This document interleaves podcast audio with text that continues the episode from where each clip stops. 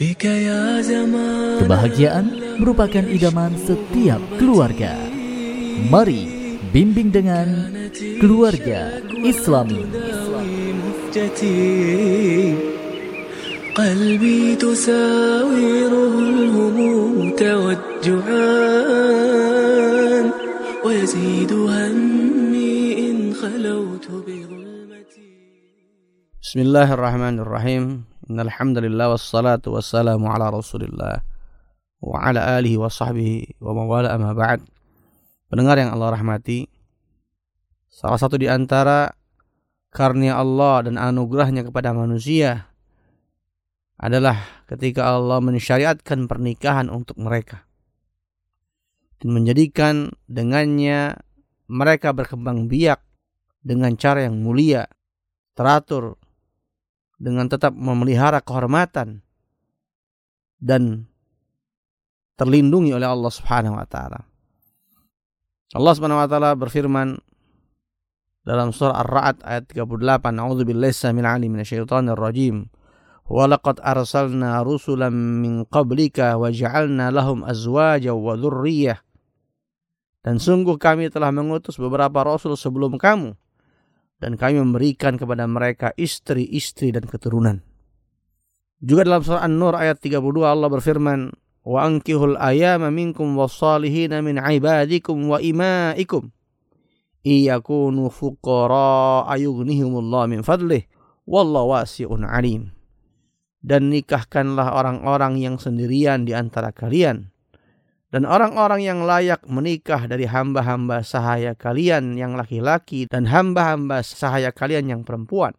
Jika mereka miskin, maka Allah akan memampukan mereka dengan karunia-Nya dan Allah Maha luas pemberiannya lagi Maha mengetahui. Rasulullah Shallallahu alaihi wasallam memberikan gambaran betapa pentingnya penikah bagi seorang mukmin. Tidak hanya secara urgensi duniawi, namun juga urgensi diniyah, urgensi bagi agamanya. Dalam riwayat Anas bin Malik, Rasulullah Shallallahu Alaihi Wasallam bersabda, "Ida tazawwajal abdu faqad istakmala nisfad din, falyattaqillah fi ma baqiya." Jika seorang hamba menikah, maka ia telah menyempurnakan separuh agamanya. Oleh karena itu hendaklah dia bertakwa kepada Allah Azza wa Jalla untuk separuh agama yang tersisa. Hadis riwayat atau berani. Kemudian dalam hadis lainnya diriwayatkan oleh Imam At-Tirmidzi Rasulullah SAW bersabda Man waqahu Allah syarratnaini walajal jannah ma baina lihyaihi wa ma baina rijlaihi Barang siapa yang dipelihara oleh Allah dari keburukan dua perkara niscaya ia masuk surga. Yaitu keburukan apa yang terdapat di antara kedua tulang dagunya, yakni mulut, dan keburukan apa yang berada di antara kedua kakinya, yakni kemaluannya. Pendengar yang Allah rahmati, masuk ke dalam surga itu karena kita memelihara diri dari keburukan apa yang ada di antara kedua kaki kita di antaranya. Dan tentu caranya adalah dengan menikah atau melakukan saum. Dan pernikahan merupakan sarana terbesar untuk memelihara manusia agar tidak terjatuh ke dalam perkara yang diharamkan oleh Allah. Seperti zina, liwat, dan penyimpangan seksual yang lainnya, homoseks dan lain sebagainya. Rasulullah SAW dalam hadisnya juga menganjurkan kepada kita untuk menikah serta memperbanyak keturunan. Beliau menegaskan tazawwaju fa inni mukathirum bikumul umama yaumal qiyamah wala takunu karahbaniyatin nasara. Menikahlah kalian. Nah, sesungguhnya aku akan membanggakan jumlah kalian kepada umat lainnya pada hari kiamat. Dan janganlah kalian seperti para pendeta Nasrani. Dalam hadis ini Rasulullah SAW menganjurkan kita agar menikah yang dari pernikahan itu kita akan memperoleh anak yang banyak dengan izin Allah Azza wa. Beliau menganjurkan kita untuk itu dan melarang kita untuk hidup membujang karena perbuatan ini menyelisihi sunnah Rasulullah Sallallahu Alaihi Wasallam. Pun juga beliau bersabda menegaskan arba'un min sunanil mursalin al haya'u wa ta'atturu wasiwaku wan nikah. Empat perkara yang termasuk sunnah para rasul yaitu rasa malu, memakai wangi-wangian, bersiwak dan menikah. Hadis riwayat Tirmidzi. Dalam kesempatan lain juga Rasulullah memotivasi para sahabat di saat beberapa pemuda sahabat ya yang berkumpul sementara mereka adalah orang-orang yang bukan orang yang mampu saat itu Rasulullah memotivasi mereka untuk menikah ya memberikan targib untuk menikah ya supaya bisa lebih menahan pandangan dan memelihara kemaluan. Ditegaskan dalam riwayat Abdullah bin Mas'ud radhiyallahu anhu. Kami bersama Nabi Shallallahu alaihi wasallam sebagai pemuda yang tidak mempunyai sesuatu. Lalu beliau sallallahu alaihi wasallam bersabda kepada kami, Ya معشر syabab, man istata'a minkumul ba'ata فليتزوج fa innahu للبصر lil basari wa ahsanu lil farj. Wa man lam yastati' fa'alaihi bis-saum fa innahu lahu wija'. Wahai para pemuda, Barang siapa di antara kalian yang mampu menikah, maka menikahlah. Karena menikah lebih dapat menahan pandangan dan lebih memelihara kemaluan. Dan barang siapa yang tidak mampu, maka hendaklah ia melakukan saum karena saum dapat menekan syahwat. Hadis riwayat Bukhari Muslim.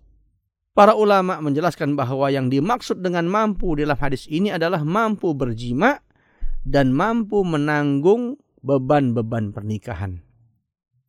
Maka bagi para pemuda yang merasa sudah mampu untuk menikah, hendaklah ia menguatkan tekadnya. Karena Allah Azza wa Jalla pasti akan menolong seorang yang ingin menikah dengan niat karena Allah dan menjaga kesucian dirinya. Rasulullah SAW menegaskan dalam sabdanya, Thalathatun haqqun 'ala Allahi aunuhum. Al-mukatabul ladzi yuridul ada wan nakihul ladzi yuridul afaf wal mujahidu fi sabilillah. Tiga golongan yang pasti akan mendapat pertolongan Allah Subhanahu wa taala. Pertama seorang budak yang ingin menebus dirinya dengan mencicil kepada tuannya. Kedua orang yang menikah karena ingin memelihara kesucian dan yang ketiga adalah pejuang di jalan Allah Subhanahu wa taala. Hadis riwayat Imam Tirmidzi dan Imam Ibnu Majah. Pendengar yang Allah rahmati. Dengan menikah, seorang muslim berkesempatan besar memiliki investasi akhirat.